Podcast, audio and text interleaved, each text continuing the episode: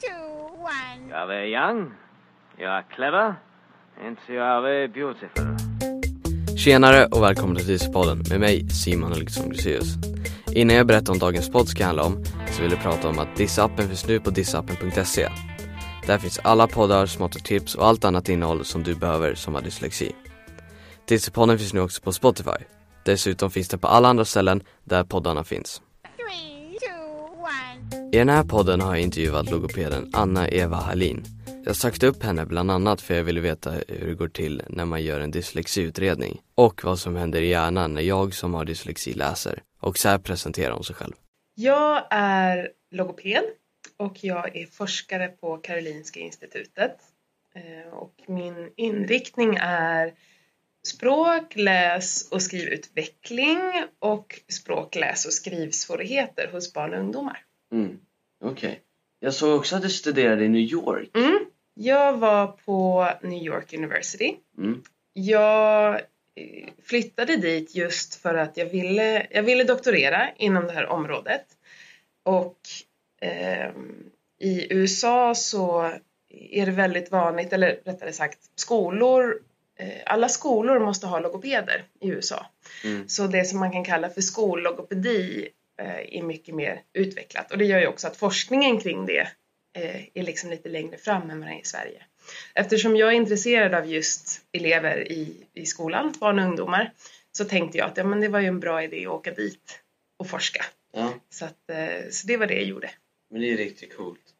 Eh, så du gör också utredningar. Mm, precis. Hur går det till liksom när man, när du framför en utredning på en och eh, varför jag ska göra så många frågor, varför ska, alla de här frågor jag ska svara på, vad ger det för svar? Mm, vilken bra fråga.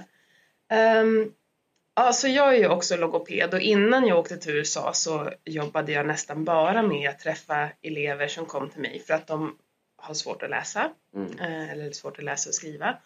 Eh, och så vill man ju ta reda på vad det beror på. Och där är ju, är ju dyslexi eller specifika läs och skrivsvårigheter är ju en av anledningarna till att man kan ha svårt att läsa och skriva Mm. kan ju också vara att man till exempel har jättesvårt att koncentrera sig.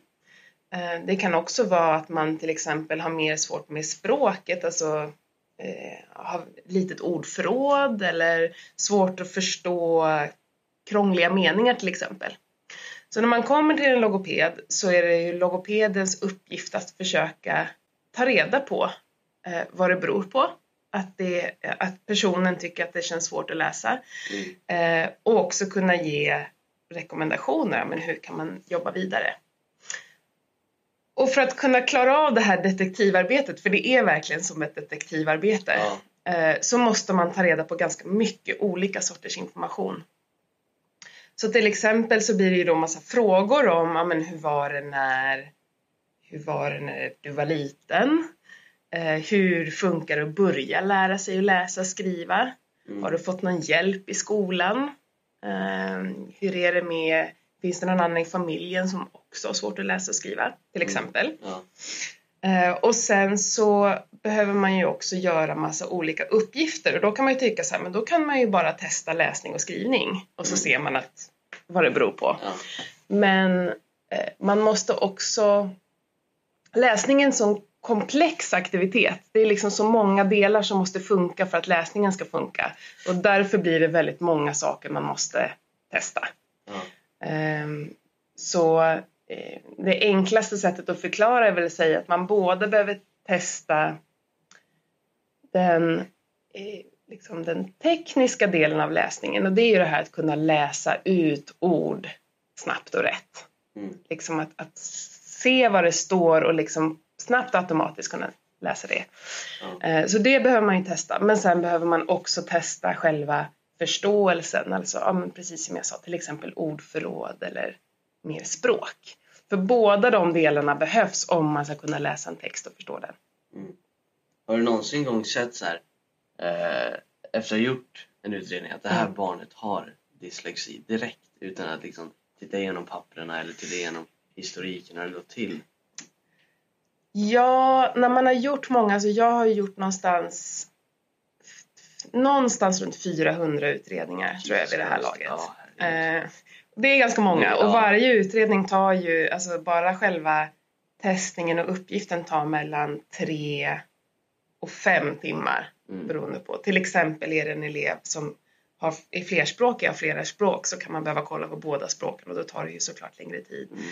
Ehm, och sen så måste man ju då eh, titta på resultaten och eh, fundera, vad är det här? Men precis som du säger, i vissa fall så kan man faktiskt ganska snabbt bara på att höra elevens berättelse eh, och sen så kanske göra några få uppgifter, ha en ganska stark misstanke om att men det, här, det här verkar se ut som dyslexi. Eh, och sen ibland så är det klurigt. Mm. Ibland så måste man prata med kollegor, kanske fråga extra frågor, göra lite extra uppgifter för att det, man märker att men här finns det många saker som kan påverka. Mm. Ehm, så det och ingen utredning är exakt lik den andra. Nej. Det gör det väldigt kul också. Ja. Eh, alltså väldigt, väldigt spännande jobb. Okej. Mm. Med läsningen, Mm. hur kan, man, hur kan man träna upp läsningen och skrivningen? Går det? Det går. Eh, jag skulle vilja säga att alltså det är alltid svårt att generalisera men alla kan bli bättre på att läsa och skriva. Mm. Eh, även om man har dyslexi. Har man dyslexi som ju är just att det är svårare att eh, det är svårt att ljuda för de allra flesta som har dyslexi, att läsa ord man aldrig har sett förut. Mm. Och det är också svårt att känna igen ordbilder och liksom få in det här att, att direkt kunna se vad ett ord är. Det är ofta också väldigt svårt om man har dyslexi. Ehm, och då, det finns, jag kommer inte ihåg vem som har sagt det, men någon har sagt så att, men att, att lära sig att läsa, bli bättre på att läsa när man har dyslexi, det är som att cykla i uppförsbacke. Det går Mm. framåt, det Men går långsammare. uppåt, men det går långsammare och Ja. det är jobbigare. Det tar mycket energi. Liksom. Ja. Ehm. Och för att det som forskning säger, eh, om man tittar på stora grupper med personer som har dyslexi, Mm. hur man ska träna, är ganska ofta att gå tillbaka, liksom lite så back to basics, alltså gå tillbaka till grunden. Mm. Det vill säga att på olika sätt faktiskt träna på att ljuda. För att liksom koppla ljuden till bokstäverna och att börja ljuda rätt igen. För att ofta om man, om man liksom har blivit lite äldre och så hittar man strategier så kan det bli att man kanske gissar sig fram Ja. eller att man hoppar över ord man inte klarar av och se vad det är direkt. Och sen så kanske man klarar det helt okej. Men det blir ju väldigt svårt om man kommer till en text med massa nya ord. Sen ska man ju självklart använda alla, alltså lyssna med öronen. Använda talsyntes, olika appar som kan läsa upp, ljudböcker. Det är superbra Mm. när man ska lära sig saker. Men man kan ju också vilja träna upp själva läsningen. Mm. Och då är det mycket hårt jobb att gå tillbaka till ganska enkla ord och texter och sen liksom jobba sig upp igen. För andra så handlar det kanske mer om att just se till att man läser Mm. varje dag. Eh, och där tycker jag också det är viktigt att, att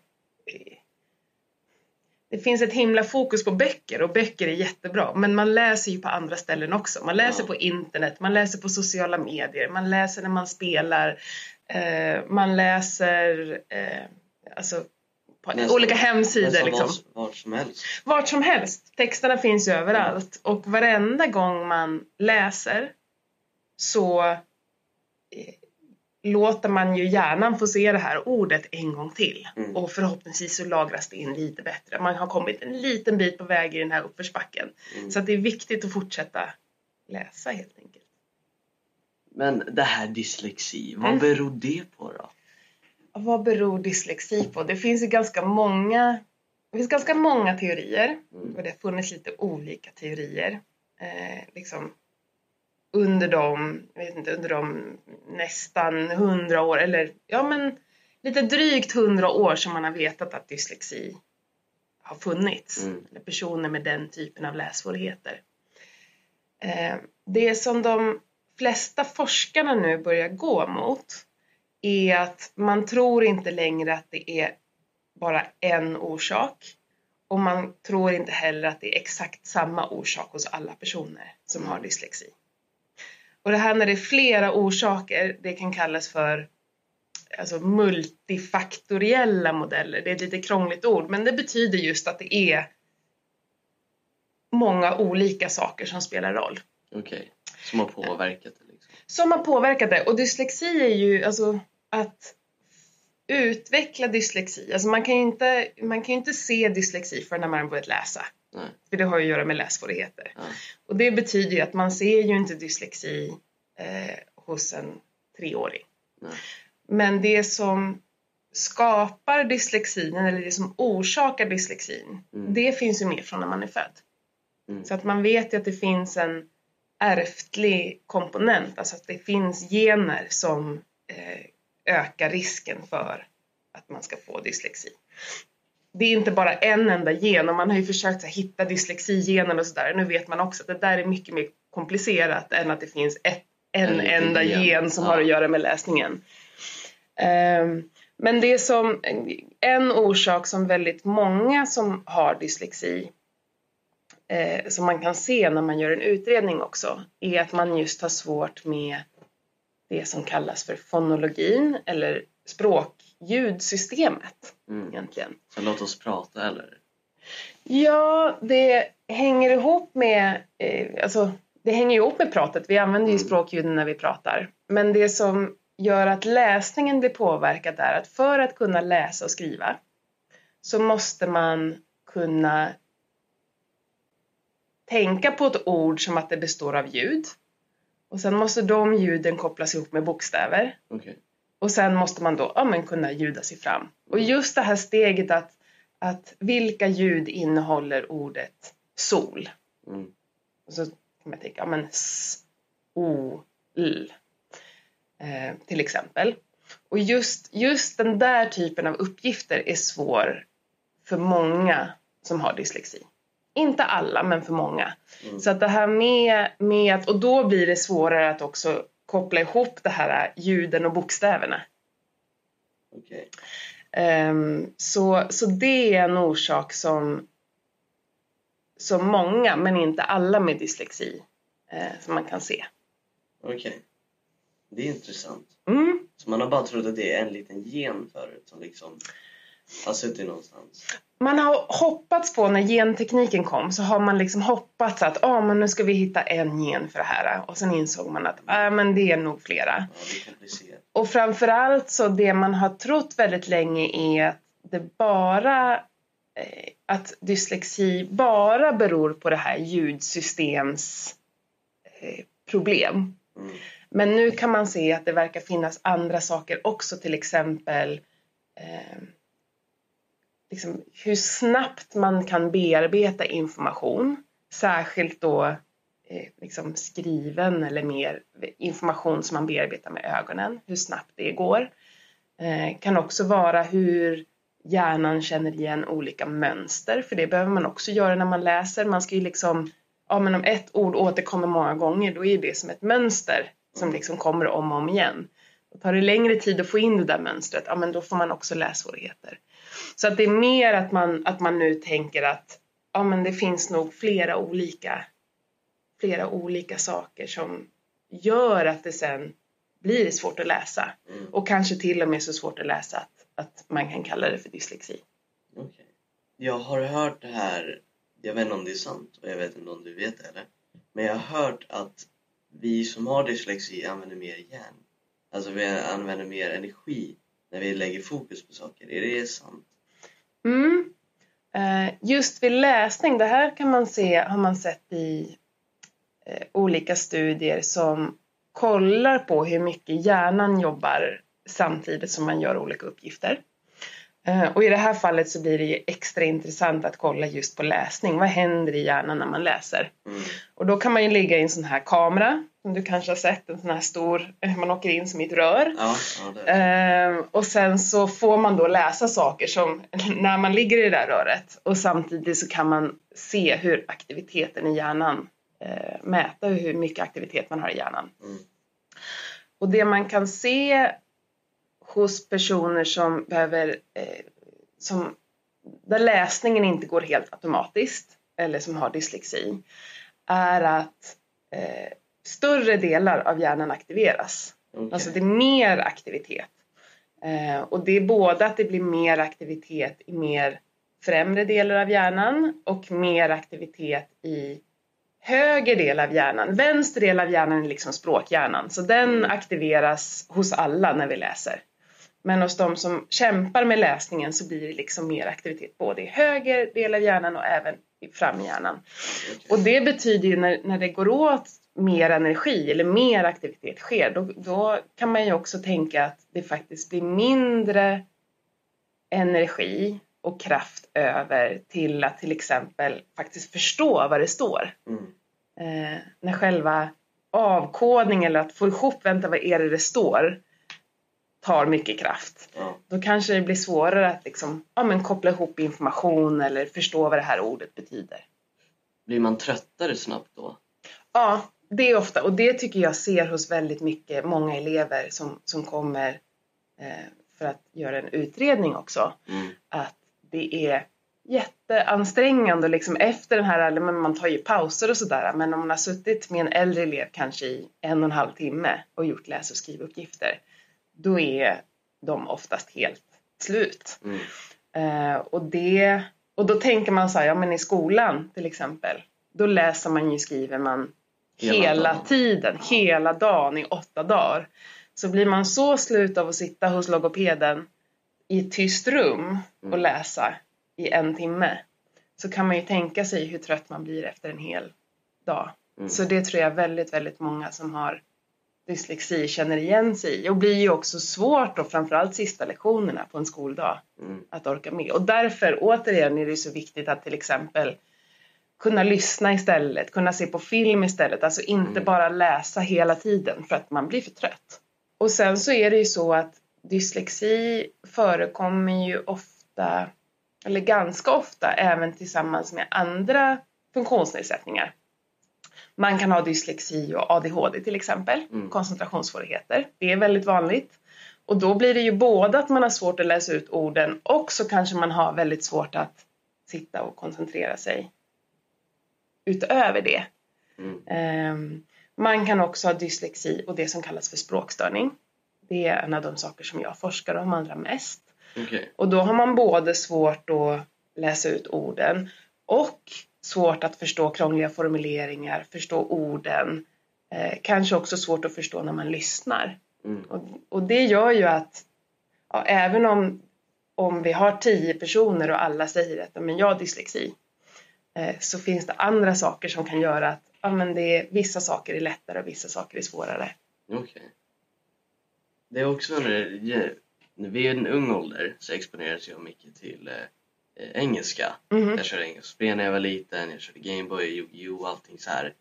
Och jag, jag är, känner själv att jag är ganska duktig på engelska.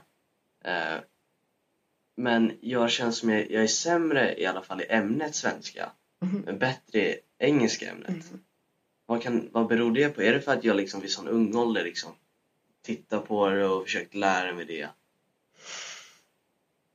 Det är ganska många, eller det finns som två stora grupper. Eh, Mm. man tänker de som, som mm, när man pratar om just engelska. Dels så finns det de som säger att engelska är jättesvårt Mm. och mycket svårare. Ehm, och sen finns det, precis som du säger, de som säger så här, men hur kommer det sig att engelska fungerar bättre? Det borde du inte göra. Det är liksom inte mitt, Mm. inte det språket som jag hade med mig från när jag var riktigt liten. Mm. Ehm, om man tittar på just hur, sven, hur, hur svenska och engelska skiljer sig åt när man skriver Mm. så är engelska på många sätt ett krångligare Skrivsätt. skrivsätt. Ja. Eh, varje ord kan, eller varje ljud kan stavas på väldigt, väldigt många olika sätt.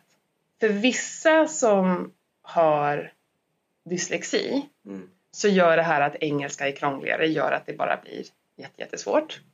För andra så kan det göra att man liksom istället då väljer att lära sig hela ordet, alltså ord för ord, hela ordet. Och då blir faktiskt det, gör det att det blir enklare. När det gäller att prata engelska, att det känns som att det är lättare att prata engelska kanske, eller liksom att, att eh, ämnet engelska i skolan blir lättare Mm. så tror jag också att det har att göra med att det är man har lite högre krav i svenskämnet Mm. än i engelskämnet. Eh, även om det är eh, alltså, vi har ju bra engelskundervisning i Sverige så man Mm. kommer ju ändå ganska långt. Eh, men man behöver inte skriva lika komplexa texter Mm. på engelska jämfört med vad man faktiskt behöver göra i svenska om man tänker man är uppe i högstadiet eller gymnasiet.